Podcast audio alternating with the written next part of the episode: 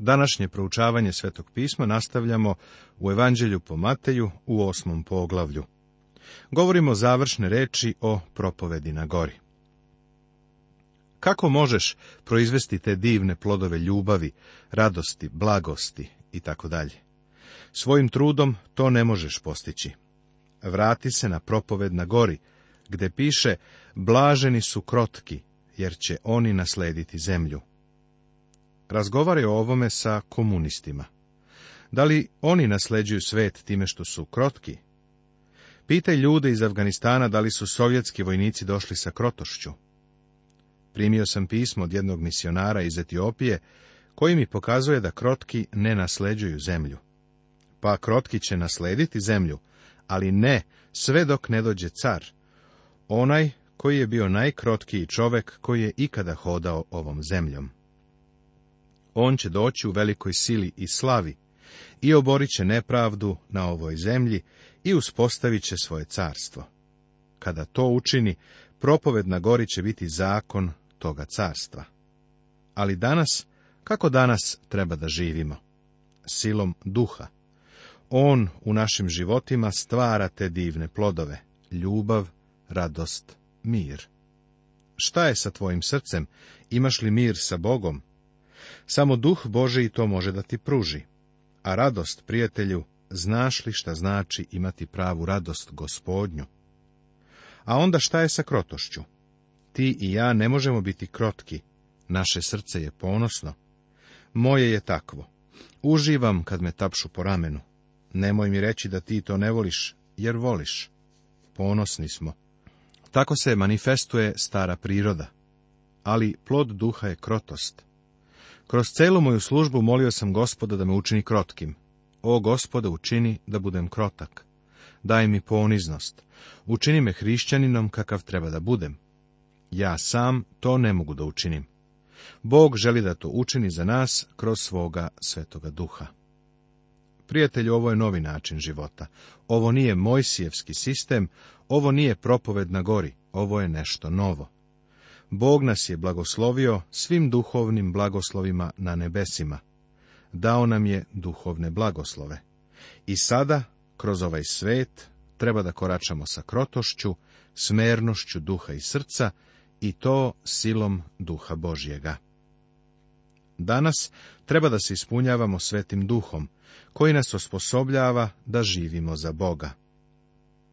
To će u našem životu stvoriti plod osposobit će nas da služimo Bogu.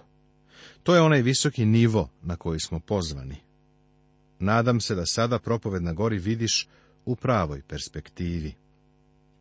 Sada smo spremni da siđemo sa gore na kojoj je on objavljivao moralne principe, pa ćemo vidjeti da gospod Isus ima silu da sprovede ovaj zakon kada bude došao da vlada na ovoj zemlji. Poglavlje osmo tema. Isus pokazuje da ima silu da sprovede moralne principe iz propovedi na gori. Uvod U prethodnom poglavlju Evanđelja po Mateju završena je propoved na gori. I prijatelji i neprijatelji su podjednako priznali da ne postoji viši moralni standard od ovoga koji je sadržan u propovedi na gori. Sada se postavlja pitanje, kako čovek može da dostigne tako visoke moralne standarde? Da bi odgovorio na to pitanje, Matej okuplja i iznosi seriju čuda, koja pokazuju da onaj koji je dao te principe, također ima i silu da ih ispuni. Naš gospod je vrlo jasno pokazao nama, koji smo vernici, da bez mene ne možete činiti ništa. Voleo bih kada bismo tu činjenicu pred sobom imali stalno. Ti i ja, sami po sebi, nismo sposobni da stvorimo išta što bi bilo prihvatljivo Bogu. Hristos danas deluje kroz svoga svetoga duha, koga je poslao u svet, da kroz nas učini ono što mi sami ne možemo. Ovo nam otkriva vrlo važnu činjenicu. Matej ne pokušava da nam da biografiju Isusa Hrista, niti se trudi da seriju događaja koji su se zbili u njegovoj službi prikaže hronološki. Umesto toga, on nam daje razvoj događaja, kretanje koje ne sme da nam promakne. Car je otišao na brdo, objavio svoj manifest, sada silazi sa brda i mi gledamo dvanaest čuda koja on čini. Ovo nam pokazuje da kada on bude vladao ovom zemljom, će silu da sprovede zakone svoga carstva. Kao što sam već predočio, propoved na gori je verovatno data u sažetoj verziji. U hiljadugodišnjem carstvu imat ćemo njeno neskraćeno izdanje, što znači da će biti još mnogo onoga što će se morati sprovoditi. U osmom i devetom poglavlju svoga evanđelja Mataj nam priča o dvanaest čuda iako ne pokušava da nam iznese sva čuda koja demonstriraju silu cara, ipak nam ova čuda daje u organizovanom logičnom poretku. Želeo bih da obratiš pažnju na šest čuda koja su zabeležena u poglavlju koje je pred nama. Isceljenje gubavca. Gospod ga dotiče. Ovo je najgora ljudska bolest. Drugo, isceljenje kapetanovog sluge sa daljine on sa njim nije imao nikakav fizički kontakt. Treće, isciljenje Petrove tašte. On je dotiče. Četvrto, isterivanje demona. Ulazi u nadprirodno carstvo duhova. Peto, umirivanje vetrova i mora u carstvu prirode. On pokazuje svoju silu nad prirodnim silama. Šesto, isterivanje demona iz dvojice gadarinaca je vrlo težak slučaj u duhovnom svetu. Car se kreće i deluje u svim oblastima. A Matej ih nabraja ne po hronološkom, nego po logičkom redu. U Matejevom zapisu postoji određeno jasno kretanje, razvoj događaja. Hajde da se sada okrenemo tekstu. A kad siđe zgore, gore, pođe za njim mnogi narod. Ovo je prvi stih osmog poglavlja. Zapazi da pođe za njim mnogi narod nije bilo samo nekoliko njih. Vidiš, on je bio gore u Kafarnaumu, gde je bilo njegovo sedište. Uveren sam da se sledeće čudo tamo desilo.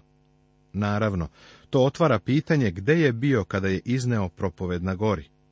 Pročitao sam mnoge različite teorije, ali smatram da za nas lokacija nije bitna.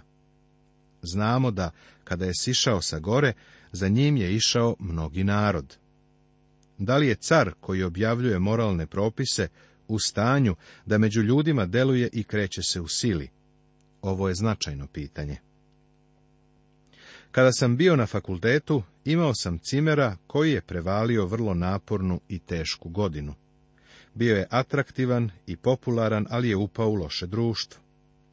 Konačno ga je piće primoralo da napusti službu. Na podeli diploma govornik nas je uzdisao u nebesa, govoreći šta treba da radimo, šta većina govornika i čini. Kasnije u našoj sobi, ovaj momak je obeshrabren pao na krevet i rekao, Mek, nije mi potrebno da mi iko govori šta treba da radim. Treba mi neko ko će mi reći kako da to uradim. To je prijatelju svima nama potrebno, zar ne? Car je objavio moralne propise, ali da li ima silu? Isus isceljuje gubavca. I gle, gubavac pristupi i klanjaše mu se govoreći, Gospode, ako hoćeš, možeš da me očistiš. Zapazi da se Isus iz najviših visina spusti u najveće dubine. Guba, koja u Bibliji obično simbolično predstavlja greh, smatrana je neizlečivom. Guba je bila najodvratnija bolest. Kada je ovaj gubavac došao kod Isusa, nije pitao, hoćeš li da me očistiš, niti možeš li da me očistiš. Ovaj gubavac je imao veru. On je prepoznao da je Hristos gospod i na osnovu toga je rekao, ako hoćeš, možeš da me očistiš. Prijatelju, nije uvek Božja volja ono što tražimo, ali ako jeste njegova volja, on to može učiniti. Najvažnije je da na prvom mestu bude volja Božja. Možda je tebi lako, ali je meni teško da Božju volju stavim na prvo mesto. Ja to ovako kažem. Gospode, da li hoćeš ovo da učiniš, jer ja tako želim. Ali Gubavac kaže, ja znam da možeš, ali da li hoćeš? To znači, da li je ovo u skladu sa tvojom voljom? Ovo je malo drugačije od onoga što čujemo kada se ljudi danas mole, kada zahtevaju da gospod učini izvesne stvari. Hteo bih da ti kažem, prijatelju, neka on odluči, jer će se to i onako na taj način i desiti. I pruživši ruku, dotače ga govoreći, hoću, budi čist, i odmah se očisti njegova guba. Isus, pruživši ruku, dotače ga. Da sam ja dotakao gubavca, šta bi se desilo. Pa možda bi mi preneo tu bolest, a ja njega ne bih iscelio. Ali zapazi šta se ovdje dešava. Pre svega, on ga je dotakao. Da li si nekada pomislio na to da ovaj čovek nije imao samo fizičku bolest, gubu, nego da je njegova psihološka sputanost bila strašna? Ne znam poreklo ovoga čoveka, ali zamišljam kako je jednoga dana primetio kako mu se na ruci javlja promjena. Možda je napolju orao, pa je ušao u kuću, pokazao ženi, a ona stavila neki melem. Sljedećeg jutra je to i dalje bilo jako crveno, ali je on ipak otišao da ore. Ovo je trajalo nedelju dana, pa se njegova žena uznemirila. Predložila mu je da ide kod sveštenika. Otišao je kod sveštenika koji ga je stavio u izolaciju na 14 dana. Na kraju tog perioda bolest se raširila i sveštenik mu je rekao da ima gubu. Zatim je čovjek pitao sveštenika da li može da ode kod svoje žene i dece da im to kaže i da se pozdravi sa njima, a sveštenik mu je rekao, žao mi je, ne možeš da ideš da se pozdraviš sa njima, ne smeš više nikada da zagrliš decu ili da uzmeš ženu u naručje. Kada ti se bilo ko približi, moraš da vičeš nečist, nečist. Iz daleka je gledao kako njegova deca rastu. Na određenom mestu su mu ostavljali hranu. On je dolazio, uzimao je, kad bi se oni povukli. Nije smeo da ih dodirne. U stvari nikoga nije smeo da dotiče i niko nije mogao njega da dotiče. A onda jednoga dana došao kod Isusa i rekao, gospode, ako hoćeš, možeš me očistiti. I šta je gospod Isus učinio? Dotakao ga je. Isusov dodir je bio jedna od najlepših stvari koje su se u tom čoveku ikada desile. Taj dodir ne samo da je očistio gubu, nego ga je vratio u porodicu ljudi i u Božju porodicu. I odmah se očisti njegova guba. I reče mu Isus, gledaj da nikome ne kažeš, nego idi, pokaži se svešteniku i prinesi dar koji zapovedi Mojsije, za svedočanstvo njima. U Markovom evanđelju vidimo da je taj čovjek bio tako oduševljen, zašto ga ne možeš kriviti, da je otišao i to ispričao svima koje je sreo. On je svima razglašavao, tako da su mase ljudi navaljivale kod gospoda, pa je Isus morao da se povuče iz grada i da se nastani na pustim mestima. Isus isceljuje kapetanovog slugu. Isus sada ulazi u grad Kafarnaum. A kad uđe u Kafarnaum, priđe mu jedan kapetan moleći ga. Siguran sam da je kapetan čuo za isceljenje gubavca. Kapetan je bio neznabožac, kapetan od 60 centuriona, formacija od 100 vojnika u rimskoj legiji. Lukin zapis nam govori da je jevrejima sazidao sinagogu. Bio sam na ruševinama te sinagoge. Ako igde postoji mesto kuda je Isus hodao, onda je to ta stara sinagoga. Poslušaj sada molbu ovog kapetana. Govoreći, gospode, sluga moj leži uzet kod kuće i muči se strašno. Ovaj sluga je bio u vrlo ozbiljnom stanju. I reče mu, ja ću doći i izlečit ću ga. A kapetan odgovori i reče, gospode, nisam dostojan da uđeš ni pod moj krov, nego samo reci jednu reč i ozdravit će moj sluga. Jer ja sam čovek pod vlašću, imam pod sobom vojnike, pa kažem ovome idi i ide, i drugome dođi i dolazi, i sluzi ovome učini to i on učini. Kapetan je bio na položaju u kome je mogao da zna šta znači autoritet. Nosio je rimsku uniformu i vojniku koji je bio pod njim mogao je reći učini to i vojnik bi učinio. Zašto? Zbog moći, odnosno autoriteta. Pogledao je Isusa i rekao, ti imaš takvu moć. Uvideo je da je Isus imao takvu moć nad fizičkim bolestima. A Isus čuvši zadivi se i reče onima koji su ga pratili, zaista vam kažem, ni u koga u Izraelju ne nađoh tolike vere. Zabeleženo je da se u dve prilike Isus zadivio ili začudio. Jednom je to bilo nad neverom Izraela, a drugi put nad verom ovog rimskog neznabožačkog kapetana. A kažem vam da će doći mnogi sa istoka i zapada i sesti za sto sa Avramom i Isakom i Jakovom u carstvu nebeskom. Zanimljivo je da je rekao da će mnogi doći sa istoka i zapada. U vreme kada je ovo rekao, moji preci, a pretpostavljam i tvoji, bili su na zapadu u odnosu na Izrael. A možda su tvoji preci bili na istoku u odnosu na Izrael. Naš gospod je rekao da će ova poruka dopreti do njih, da bi i oni mogli poverovati u njega i sesti za sto sa Avramom i Isakom i Jakovom u carstvu nebeskom. Kakva izvanredna izjava! Svaki pojedinac, naravno, treba da pokaže ličnu veru u Hrista. Niko ne može da polaže pravo na spasenje radi toga što je član crkve, ili što ima porodičnu tradiciju, ili zato što su mu roditelji hrišćani. I reče Isus kapetanu, idi, neka ti bude kako si verovao, i bi izlečen sluga u onaj čas. Iako bolesni sluga nije bio u Isusovoj prisutnosti, kapetanova vera u Isusa Hrista dovela je do njegovog isceljenja. Isus je dotakao gubavca i on je bio isceljen. Sada iz daleka isceljuje kapetanovog slugu. Isus isceljuje Petrovu taštu i druge. Sada dolazimo do trećeg čuda, i kad dođe Isus u Petrovu kuću, vide njegovu taštu gde leži u groznici. I dotače joj ruku i ostavi je groznica te usta i služaše mu. Petrova tašta je bila bolesna, imala je groznicu. Isus ju je dotakao i iscelio. Obrati pažnju na tri vrste bolesti. Jedna bolest je neizlečiva, guba. Druga bolest je oduzetost, paraliza. Treća je groznica manje ili više privremena bolest.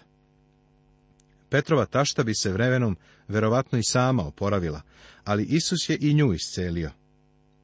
Uveče se desilo četvrto isceljenje. A kad nasta veče, prineše mu mnoge besomučne i izgna duhove rečju i izleči sve bolesnike. Reč besomučni negde se prevodi kao opsednuti đavolima, odnosno demonima, Mnogo je demona, a samo jedan đavo. Dopusti mi da tvoju pažnju privučem na činjenicu da su mu prineli mnoge. Ne daju se nikakvi izolovani slučajevi.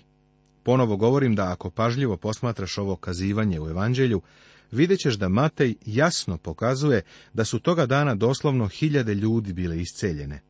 Na bilo je nekoliko hiljada slepih koji su progledali, Bile su tu hiljade obogaljenih koji su sada normalno hodali. Bilo je tu nekoliko hiljada gluvih koji su sada čuli. To je razlog zbog kog Isusovi neprijatelji nikada nisu osporavali njegova čuda. Umjesto toga pitali su ga kako ih je činio.